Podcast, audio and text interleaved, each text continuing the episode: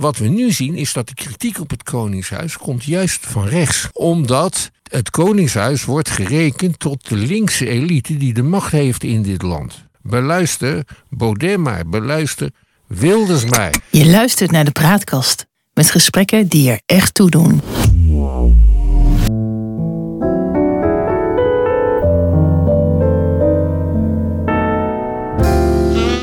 Welkom bij de Praatkast.nl. Dit is een aflevering van het Geheugenpaleis. Mijn naam is John Knerim en samen met Han van der Horst maken we deze podcast. De geschiedenis herhaalt zich nooit, maar rijmen doet hij vaak wel. En dat gegeven gebruiken we in het Geheugenpaleis om dieper in te gaan op de actualiteit. Zo gaan we aan de waan van de dag voorbij en bereiken we de kern van het nieuws. We scheppen orde in de maalstroom van berichten die het zicht op de grote lijn belemmeren. En tussen beide blijkt dat de werkelijkheid vaak genoeg elke fantasie te boven gaat.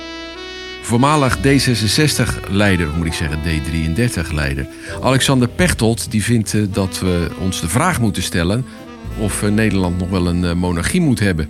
En zelf vindt hij dat het koningschap niet meer van deze tijd is. En het zou volgens hem goed zijn als Willem-Alexander de laatste koning is. Ja, het is bijna Koningsdag. Mooi onderwerp lijkt me. Han? Dat is het uh, zeker, want het is natuurlijk een zekere vreedheid, een nationale vreedheid om zo'n koningshuis uh, te hebben. Ze leven in, uh, in grote luxe. ze wonen letterlijk in paleizen. Ze hebben een enorm inkomen, maar tegelijkertijd ja. zijn het de enige Nederlanders voor wie de volledige constitutionele rechten niet gelden. Op het moment dat ze iets inhoudelijks opmerken, is het land te klein. En worden ze aan alle kanten aangevallen. Dus hun gedrag is aan uh, sterke beperking uh, onderhevig. En ik zou me heel goed kunnen voorstellen dat een, uh, een kroonprins of een kroonprinses zegt: geef mijn portie maar aan Vicky. Ja, ik heb niet de indruk dat ze er erg onder lijden. En dat dat luxe leventjes, dat doet ze wel goed volgens mij. Ik denk, als je zo naar de kijkt, dat Amalia zich buitengewoon op haar gemak zou voelen op de Nederlandse troon.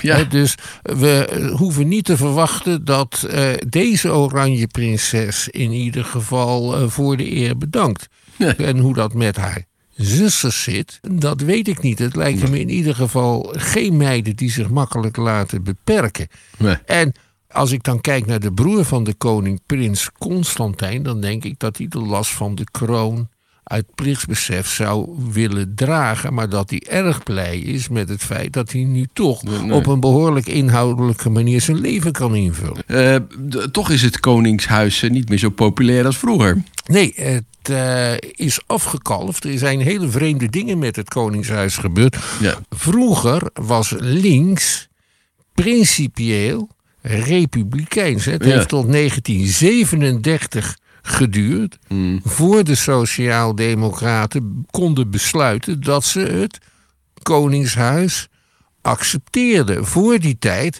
gingen ze op Koninginnedag, dat was toen op 31 augustus, meestal in uh, ingehuurde rivierboten naar Hoek van Holland of, uh, of naar Scheveningen, om daar hun eigen feest te vieren, ver van de hossende oranjegezinde massa, die trouwens bij dat soort gelegenheden ja. nogal de neiging had om socialisten daadwerkelijk aan te vallen. Ja.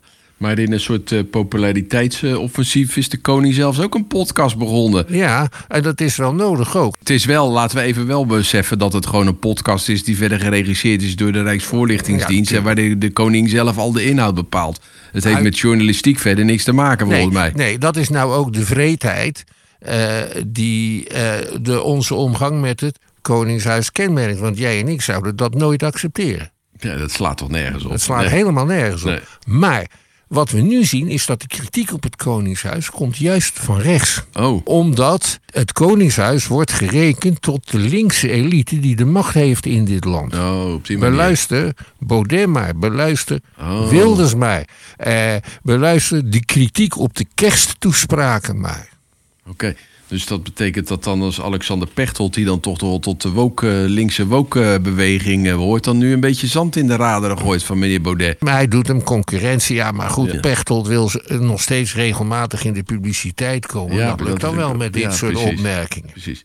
Maar wat doet die koning nou eigenlijk? Want dat, daar heb ik ook weer eens over zitten na te denken. Maar ja, hij moet wetten ondertekenen. En hij ontvangt eh, de, de, onze minister-president eh, elke week. Hij mag af en toe een lintje doorknippen. Maar ja, wat is zijn bijdrage nou eigenlijk? Nou, dat lintje doorknippen is belangrijker dan je denkt. Hè? Oh. De koning legt in het hele land bezoeken af. Ja. Hij komt bij feestelijkheden, hij knipt die lintjes door, maar hij laat zijn gezicht ook zien bij rampen, zoals een paar weken geleden met de treinramp in, eh, in Voorschoten. En dan representeert hij als het ware het Nederlandse volk. Hij laat van zijn belangstelling blijken namens ons allemaal. Dat is de taak des konings. Als je de kersttoespraken leest die hij en zijn moeder houden op de televisie, dan gaat dat altijd over wij allemaal samen. Dus eh, de koning die representeert de eenheid van Nederland. Dat is zijn taak, dat is zijn functie. En Maar zouden we dat niet veel beter ook eh, onderdeel kunnen laten zijn eh, van het werk van eh, premier Rutte? Want daar heeft het nou precies aan ontbroken de afgelopen eh, 12 jaar, 14 jaar. Wat is het? Kijk, als je dat doet en je belegt dat bij de hoogstpolitieke verantwoordelijke, eh, dan kan die hoogstpolitieke verantwoordelijke niet meer de eenheid van het land vertegenwoordigen. hè. Dus als Rutte president van Nederland was, dan zou hij wat dat betreft lijken op Biden. En dat is niet de president van iedereen in de Verenigde Staten, al is dat wel de officiële ideologie. Net zoals Macron niet de president is van alle Fransen, maar een bepaald segment van de bevolking vertegenwoordigt. En dat segment is het segment dat hem heeft gekozen. In Duitsland is dat anders. Hè? Daar heb je een symbolische president, of in Oostenrijk. En die speelt dezelfde rol als de koning in Nederland. Het is wel interessant, want wij zijn een van de eerste landen die ooit de koning hebben afgeschaft. Ja, in 1581 hebben wij eh, officieel onze koning Philips II van Spanje afgezworen. We, werden toen overheerst door de, de, de Spanjaarden en dat waren we zat op een gegeven moment. Eh, ja, maar dit is nog veel ernstiger, dat afzweren van een koning. Want de algemene gedachte was toen, die iedereen onderschreef. De algemene gedachte was toen dat God de koningen heeft aangesteld en de keizers. En dat de koningen en keizers regeren bij Gods genade. En wie in opstand komt tegen een koning, komt dus in opstand tegen een God. En dat in een wereld waar iedereen in God geloofde en ook dacht dat God steeds in de wereld ingreep. Dus dit is een buitengewoon revolutionaire daad. Dat je zegt, ja, maar dat is helemaal niet waar van God boven. Hè? Eh, het is zo dat je daar zit namens, namens de onderdanen. En dat je daar steun van moet hebben. Ja. Op het moment dat jij de rechten van de onderdanen schendt, verlies je daarmee automatisch de steun van God. En dan zetten we je af. Dat is ook een goede redenering, toch? Als je in die flauwekul gelooft. Nou, het is een heel Ja. belangrijke, heel belangrijke politieke, revolutionaire re- regering. Hè. Dat heeft ook, eh, je ziet ook wat er toen gebeurde. Dus ze hadden de koning van Spanje afgezet. En toen zijn de revolutionaire Nederlanders onder leiding van Willem van Oranje op zoek gegaan naar een nieuwe koning. Dus er moest wel, moest wel vervangen worden. Uh, hebben ze het eerst geprobeerd met de koning van Frankrijk. En die moest dan een landvoogd sturen en vervangen. En daarna hebben ze het geprobeerd met de koningin van Engeland. En die heeft ook een landvoogd gestuurd. Nou, dat werd allemaal niks om tal Ja. van redenen. En in 1588 zei Oldenbarneveld, de raadpensionaris, wij houden hiermee op. En in 1588 hebben ze besloten er een, het zo te laten en er een republiek van te maken. Dat was een revolutionair in de wereld. Ja, niet met zoveel woorden, Ja. maar eh, ze hebben het zo gelaten. Ja. En zo werd Nederland een republiek. En langzaam maar zeker kreeg die republiek ook diplomatieke erkenning. Ja. En daar deed Oldenbarneveld heel erg veel aan om ervoor te zorgen dat de gezanten van die republiek op hetzelfde niveau werden ontvangen als ambassadeurs van andere landen. Hè. Het enige eh, vervelende was wel dat bij optochten eerst de koninkrijken kwamen. Ja, en dan helemaal aan het eind Nederland. Ja. En daarna, de- ja, helemaal aan het eind Nederland. Want je had nog meer republieken. En er waren Republiek Venetië en de Republiek Genua. En nog wat andere Ja. Italiaanse staatjes die republiek waren. Maar die waren veel ouder, dus die mochten voorop lopen. Bij de republieken. Dus Nederland zat echt altijd in de staart. Maar uiteindelijk zijn we toch weer een, eh, een, eh, een koninkrijk geworden, een monarchie. Hoe is dat dan gegaan? Nou, in 1806 heeft Napoleon zijn broer Lodewijk als koning naar Nederland gestuurd. En sindsdien, toen werd Nederland een koninkrijk. Nou, dat werd om allerlei redenen een mislukking. In 1810 zette Napoleon zijn broer weer af en die annexeerde Nederland.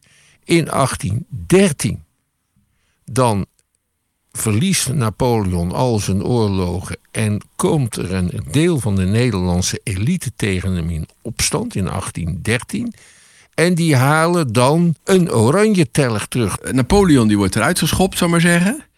En is er dan niet een discussie, we moeten er weer een republiek van maken? Ja, maar toen dacht ik, maar eh, Ja. Van Hogendorp, hè, waar al die Van Hogendorpstraten en We hebben hier een groot plein in eh, Den Haag, Die- plein 1813. Dat gaat daarover. Hij had er nog twee eh, Ja. companen, die, die staan Ja. ook op dat standbeeld. eh. Ja, van Limburg. Stierum en van de Duin van Maasdam. Dus, eh, wij moeten weer een nazaat naar Nederland halen van het Oranjehuis... die in de tijd van de Republiek stadhouders hadden geleverd. Dat waren ambtenaren, hè? dat waren die stadhouders. En die maken we dan vorst. Want eh, we, dit land moet een eenheidsstaat blijven en een monarchie worden. Omdat dat meer de eenheidsstaat zou kunnen ondersteunen dan een republiek.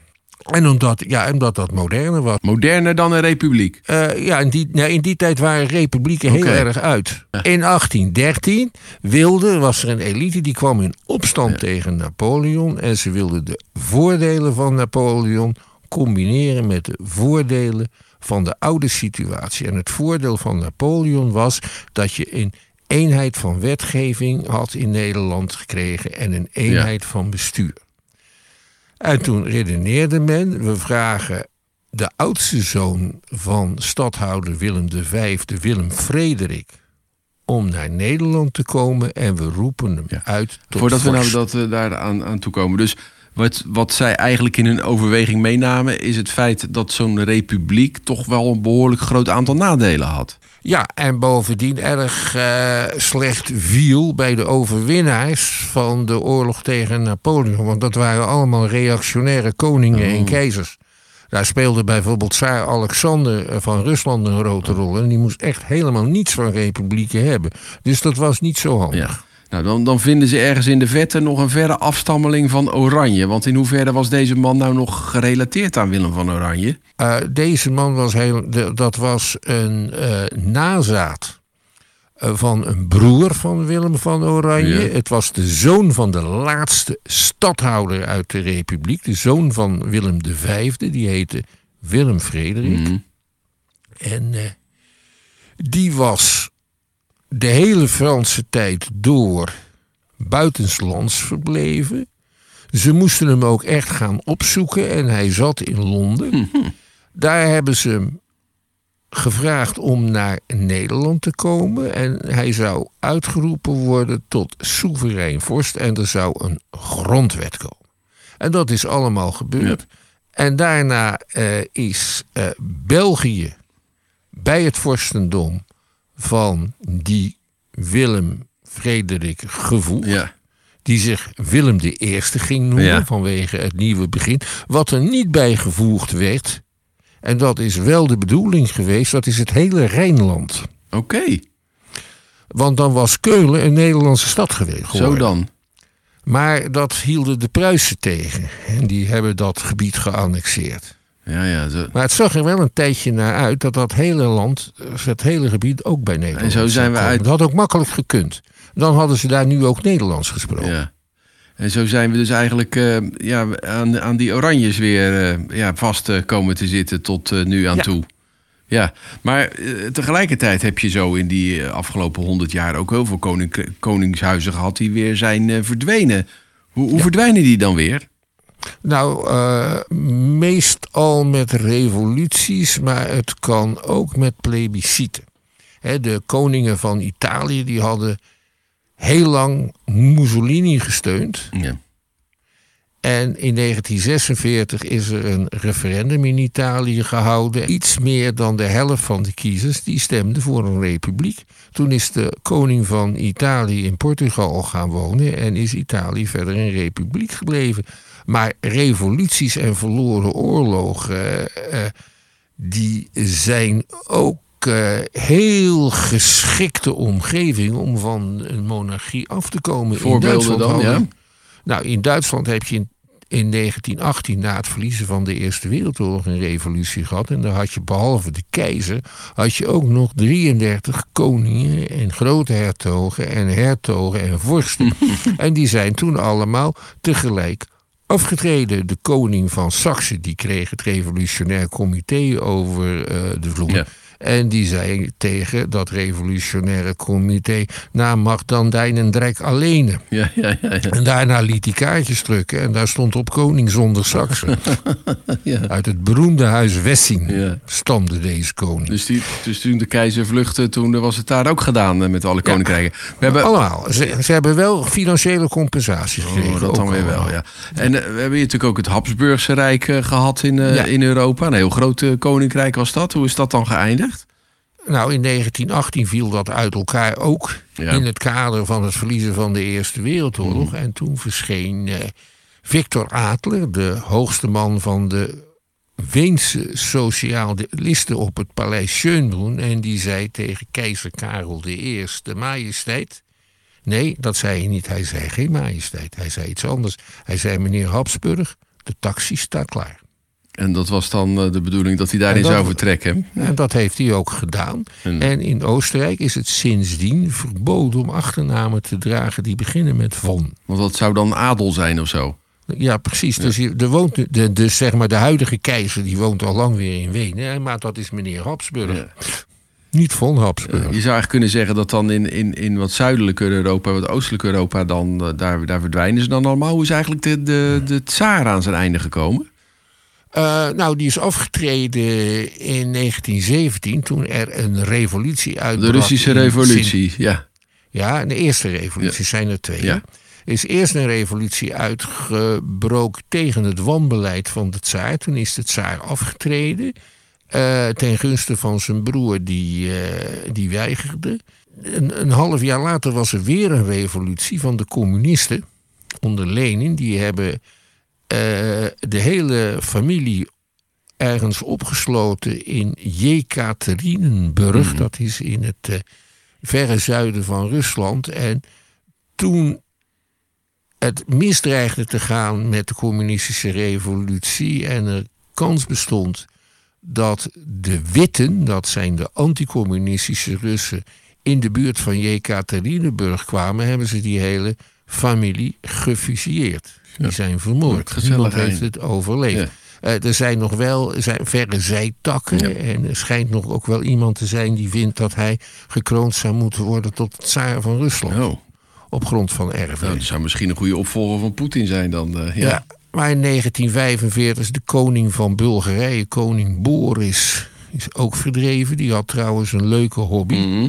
Koning Boris van Saxe-Coburg, die reed graag treintjes. en dan kwam het ook voor dat aan de grens de Orient Express werd gestopt. Want de koning kwam langs. En er kwam de koning en die nam dan de plaats van de machinist. Oh, het lijkt wel een beetje op Willem-Alexander die graag in zo'n Boeing vliegt volgens mij. Ja. ja. ja. Dan heb je uh, Servië, daar had je twee, uh, twee dynastieën, Karageorgis en Obranovic, die met, met elkaar om de macht twisten. En de laatste uh, Obrenovic, Michail, die trouwde met zijn maîtresse, koningin Draga. En eh, die zijn toen door officieren uh, uit het raam gegooid. En sindsdien nam de andere dynastie het weer over. En de laatste koning daarvan die moest in 1941 vluchten voor de invasie van de Weermacht. En daarna nam Tito het over en is de koningsrijk nooit hersteld. Er zijn ook geen plannen om dat te doen. Zou natuurlijk best kunnen in Kroatië of Servië of zo. Ja, precies.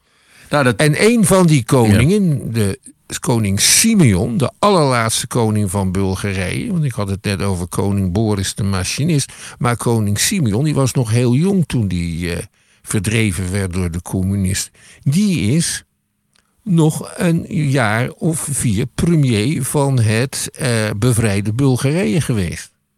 Oké, En dat was premier Saxe-Coburg. zo dan. Dat was de koning. Ja. Ja. En die heeft hij heeft hij niet, niet bijzonder eh, gedaan. Niet als de redder des vaderlands is hij opgetreden. Maar hij heeft wel voor redelijke stabiliteit gezorgd in die paar Ja. jaar. Ja. Maar herkiezen, dat zat er niet meer in. Nou ja, kijk, dat is allemaal wel ja, allemaal lang geleden. Ehm, ik ken Hmm. geen moderne verhalen van de afgelopen 50, 60 jaar eh, dat de koningen zijn verdwenen.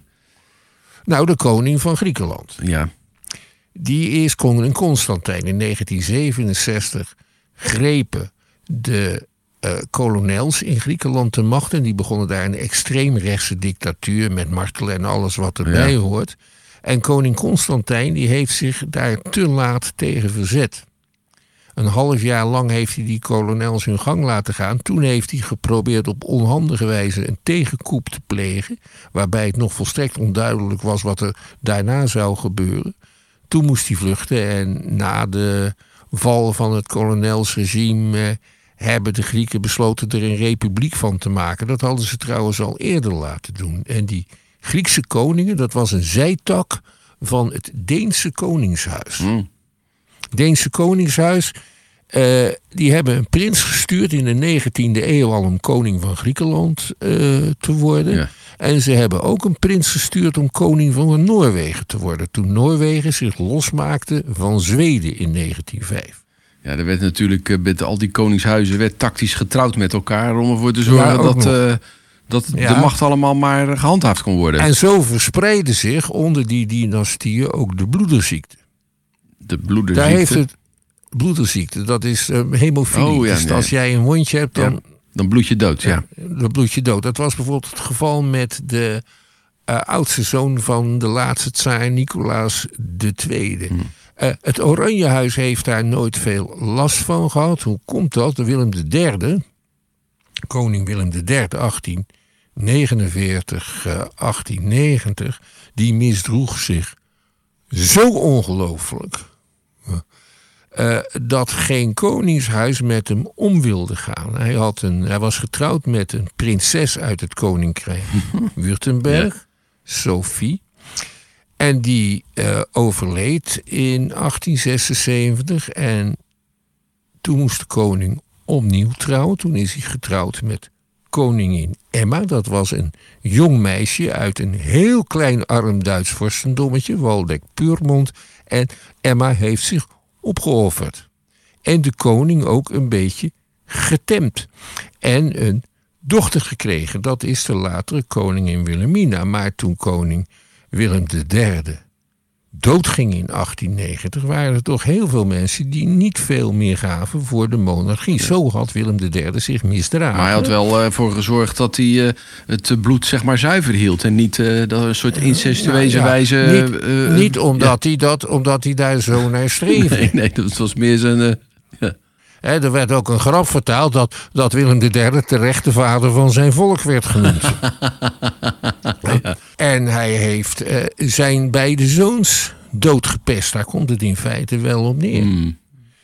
Ehm, Gezellig verhaal met die oranjes allemaal, joh. ja, en daarna bleef dus Emma over. Ja. Met de tienjarige Wilhelmina. En die is toen een heel groot charme-offensief begonnen.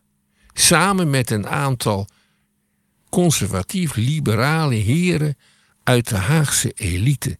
En daaruit dat charme-offensief komt Koningin de Dag voort. En de heren uit de Haagse elite die zeiden ook: u moet het, u moet het volk ontmoeten. Dus ze zijn ze rijtoeren gaan houden Ja, in de Amsterdamse Jordaan en zo. Het was zeg maar de podcast daarvan La Lettre.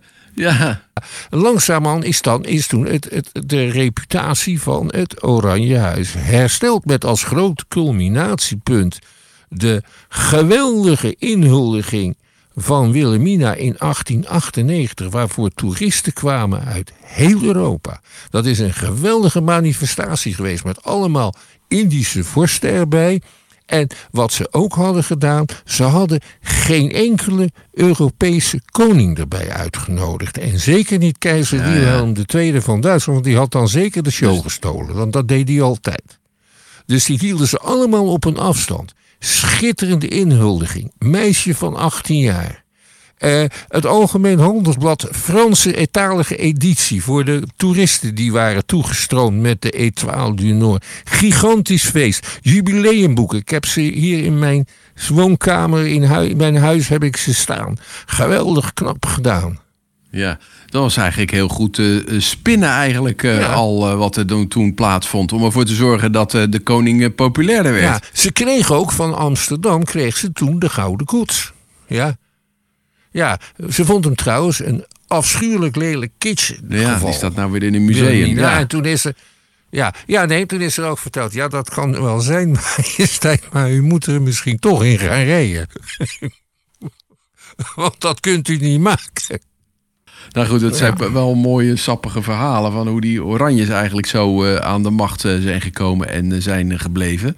Maar dit gaat natuurlijk niet stoppen, nee, We kunnen niet. natuurlijk wel een beetje over zitten filosoferen. En Pechtold kan dat wel, wel oproepen. Maar dat gaat natuurlijk in de, ja, in de komende honderd jaar niet gebeuren. Nou, republikeinisme in Nederland is een vorm van folklore... die je bij sommige, in sommige kringen wel hebt. Maar dat ja. stelt verder niks voor. Nee. Dus ze zullen deze crisis ook wel weer te boven komen met een podcastserie en gezellig doen. Ik denk dat Amalia, Tenminste, ja. dat vermoed ik. Dat kan ik natuurlijk niet bewijzen. Die gaat heel vaak op bezoek bij oma. En dan gaat oma vertellen hoe dat vroeger ging met veel grappen. En hoe je, hoe je met een premier omgaat. En, en dat soort zaken meer. Ja. En dat komt prima voor elkaar als zij koningin wordt. Dat kan je nu al zien. Want het republiek, republikeinisme is misschien een folklore, maar het koningshuis as such ook, toch? Ja, en de helft van de bevolking staat er nog achter. En die helft die er niet achter staat, die kan het in, in de praktijk denk ik ook niet zoveel schelen. Nee. Nou, er zal geen uh, revolutie ontstaan dan uh, de komende tijd om de koning uh, af te zetten. Het is wel zo dat de koning voor het eerst op Prinsjesdag is uitgejouwd. Hè? Door de, door, vorig jaar dan? Vorig jaar. De wappies massaal naar Amsterdam, van naar Amsterdam. De wappies massaal naar Den Haag gekomen om dat te doen. Ik denk niet dat dat in Rotterdam eh, gaat eh, gebeuren dit, uh, dit jaar. Daar zal hij ongetwijfeld in de armen gesloten worden. Ja. Die hele tactiek van 1890 ah. weer. Hè? Want hij gaat het gewoon volk ontmoeten. En de koning, dat stond ook in het draaiboek, heel expliciet. hij komt zelfs langs een bordeel. Ja, en dan zeg ik, nou, als hij nou echt het verschil wil maken, dan betreedt hij, net als Willem III, dat bordeel. Maar Han, daar kan je ook gewoon een colaatje drinken hoor. Oh ja? Ja. Jij vertelde trouwens nog een verhaal dat die ene koning uh, ook opgehaald werd, toch, uh, vanuit het bordeel? Ja, dat deed koningin Sophie. Hè. De koningin Sophie en uh, Willem III die waren water en vuur. Want zo, koningin Sophie was een zeer intellectueel, in kunst en wetenschap geïnteresseerde vrouw. En Willem III, dat, ja, dat was een dronken dragonder. En koningin Sophie heeft, hem, heeft een keer het statierijtuig met de zes paarden naar de Kettingstraat in Den Haag gestuurd, waar de koning in het bordeel zat. En dat uh, bordeel is ongeveer op de plek, Hagenaars kennen dat wel, waar je vroeger op de Kettingstraat een klein bioscoopje had. En toen was de koning not amused. Toen uh, daar uh, het, het uh, opgesponnen, hoe zeg je dat? Aangespannen paarden stonden te wachten op hem met de koets. Ja. Toen werd hij uit het bordeel gehaald. Ja. ja. Nou. Nou ja, tot zover deze aflevering van het Geheugenpleis. We maken dit in samenwerking met de Praatkast.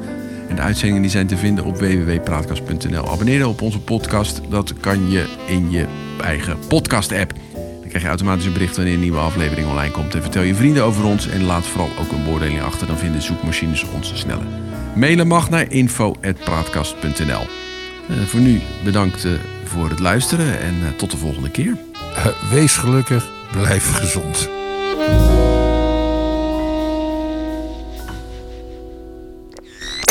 De Praatkast